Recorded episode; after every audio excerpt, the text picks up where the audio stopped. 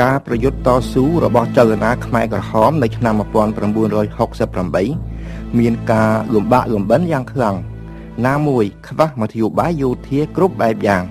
ណាមួយកងទ័ពព្រៃវៀតណាមនៅក្នុងប្រទេសកម្ពុជា ធ្វើការគៀបសង្កត់យ៉ាងខ្លាំងដើម្បីឲ្យខ្មែរក្រហមជួយការពារខ្សែដឹកនាំស្បៀងណាមួយកងទ័ពរបស់ឧត្តមសេនីយ៍អ៊ឿនណូធ្វើការវាយប្រហារដោយឥតសំចៃ គឺតាំងពីឆ្នាំ1968នោះមក ដែលខ្មែរក្រហមទ្រាំទ្រសហប្រតិបត្តិការជាមួយទីក្រុងហាណូយសឹងតែមិនបាន នៅឆ្នាំ1977គឺនៅពេលដែលខ្មែរក្រហមកាន់កាប់ប្រទេសកម្ពុជាទាំងមូល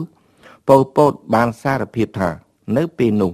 ការតស៊ូរបស់បដិវត្តកម្ពុជា បានប្រព្រឹត្តទៅដោយបាតដៃទទេឯកសារជាច្រើនបានបញ្ជាក់ថា នៅអំឡុងឆ្នាំ1968នោះសម្ដេចនរោត្តមសីហនុស្ថិតនៅក្នុងស្ថានភាពមួយដ៏ពិបាកព្រោះព្រះអង្គគ្មានជំរឿសអ្វីទៀតក្រៅពីជំរុញឲ្យរដ្ឋាភិបាលអឿនណុលវាយគំតិចចលនាកុម្មុយនីសទេប៉ុន្តែទីក្រុងភ្នំពេញបែរជាទទួលរដ្ឋផលផ្ទុយពីគោលដៅទៅវិញដោយហេតុថាការប្រយុទ្ធគំតិចខ្មែរក្រហមបានคล้ายទៅជាការគៀបសង្កត់ទៅលើប្រជាជនខ្មែរទៅវិញ អ្នកស្រុកអ្នកភូមិជាច្រើន ដែលបានត្រូវកងទ័ពរបស់ឧត្តមសេនីយ៍យួនណុលរៀបត្បាតយ៉ាងសាហាវព្រៃផ្សៃបាននាំគ្នាទៅជ្រកកោនជាមួយចលនាបដិវត្តរបស់ខ្មែរក្រហមតែម្ដង ជាហេតុធ្វើឲ្យពួកខ្មែរក្រហមកាន់តែមានកម្លាំងថែមទៀតធៀបយកឱកាសនោះខ្មែរក្រហមបានបង្កើនការឃោសនារបស់គេប្រឆាំងនឹងសម្ដេចនរោត្តមសីហនុដោយត្រង់ត្រង់ សម្ដេចនរោត្តមសីហនុបានចុះប្រជាប្រិយភាពយ៉ាងខ្លាំងដោយសារតែរឿងនេះ មួយវិញទៀតព្រោះតែសង្គ្រាមនៅក្នុងស្រុក សេដ្ឋកិច្ចប្រទេសកម្ពុជាទាំងមូលបានធ្លាក់ចុះដុនដាបប្រាក់ចំណូលគ្រប់ប្រភេទរបស់រដ្ឋាភិបាលបានចុះថយព្រោះទាពន្ធដារក៏មិនបានផលិតកម្មកៅស៊ូក៏ត្រូវរាំងស្ទះ ស្រូវអង្ករក៏មានចំនួនតិចតួចស្ដួចស្ដើងប្រៀបធៀបទៅនឹងចំនួនប្រជាជន ដែលបានកើនយ៉ាងច្រើន នៅឆ្នាំ1968គឺបានកើនពី5លាន4សែននាក់នៅឆ្នាំ1960មក6លាន6សែននាក់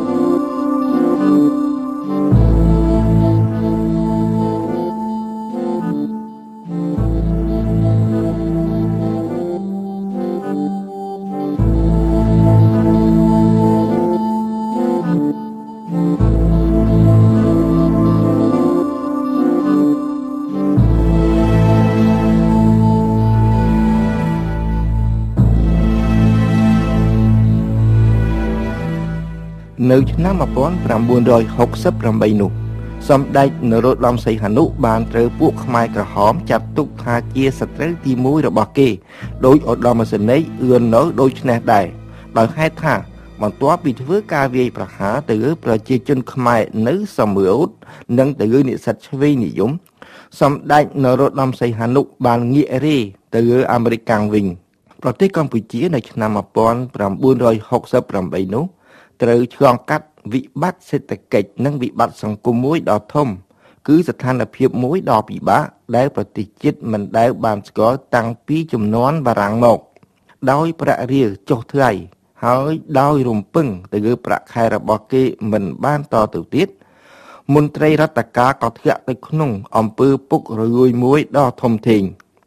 ចំណែកឯយុវជនវិញគេក៏រកការងារធ្វើដោយពិបាក គេអាចនិយាយបានថានៅពេលនោះប្រជាប្រិយភាពរបស់សម្ដេចនរោត្តមសីហនុបានចុះដល់បាតដាវតែម្ដង នៅរដូវក្តៅឆ្នាំ1969សម្ដេចនរោត្តមសីហនុបានសម្រេចដាក់ទំនាក់ទំនងទូតជាមួយសហរដ្ឋអាមេរិកឡើងវិញអ្នកឆ្វេងនិយមក៏ឈប់ផ្ដល់ការគ្រប់គ្រងរបស់គេទៅឲ្យព្រះអង្គបន្តទៅទៀតមួយវិញទៀត សេចក្តីសង្ឃឹមរបស់សម្ដេចនរោត្តមសីហនុថាការងាករេទៅរកសហរដ្ឋអាមេរិកវិញនេះអាចនឹងជួយប្រទេសជាតិឲ្យឆ្លងផុតពីការអន្តរាយក៏បានរលត់បាត់បន្តិចម្ដងបន្តិចម្ដងទៅវិញព្រោះអាមេរិកគ្មានផែនការគ្មាននយោបាយអ្វីទាំងអស់សម្រាប់ជួយប្រទេសកម្ពុជាលោកប្រធានាធិបតី Nixon នៅពេលនោះកំពុងតែរកកលដកកងទ័ពអាមេរិកចេញពីប្រទេសវៀតណាមខាងត្បូង គឺនៅពេលនោះហើយដែលសម្ដេចនរោត្តមសីហនុយល់យ៉ាងច្បាស់ថាសហរដ្ឋអាមេរិកគ្មានអនាគតនៅភូមិភាគឥណ្ឌូចិនទេប៉ុន្តែប្រការដែលគួរឲ្យកត់សម្គាល់គឺថាចំពោះប្រទេសកម្ពុជានៅពេលនោះក៏ដូចជានៅពេលក្រោយក្រោយមកទៀតដែរការកំណត់មាគ៌ានយោបាយសុទ្ធតែមានលក្ខណៈផ្ទុយនឹងស្ថានភាពនយោបាយអន្តរជាតិសឹងតែទាំងអស់ គឺហាក់បីដូចជាគេមិនយកចិត្តទុកដាក់នឹងសភាពការនយោបាយអន្តរជាតិតែម្ដង នៅឆ្នាំ1969សម្ដេចនរោត្តមសីហនុរីទៅរកអាមេរិកនៅពេលដែលអាមេរិកត្រៀមលក្ខណៈបោះបង់ចោលសង្គ្រាមនៅវៀតណាមនៅឆ្នាំ1970ឧត្តមសេនីយ៍យួនណូនិងអ្នកអង្គម្ចាស់សិរិមតៈក៏ដូចគ្នាអញ្ចឹងដែរប៉ុន្តែធ្ងន់ធ្ងរជាងនេះទៅទៀតគឺការបាក់បែកផ្ទៃក្នុង ការដណ្ដើមអំណាចគ្នា នៅពេលមួយដែលប្រទេសជាតិស្ថិតនៅក្នុងការគំរាមកំហែងនិយាយរួមគេបែងចែកមិនបានច្បាស់រវាងស្មារតីស្នេហាជាតិនិងទេសកលៈនៃការដណ្ដើមអំណាចគ្នា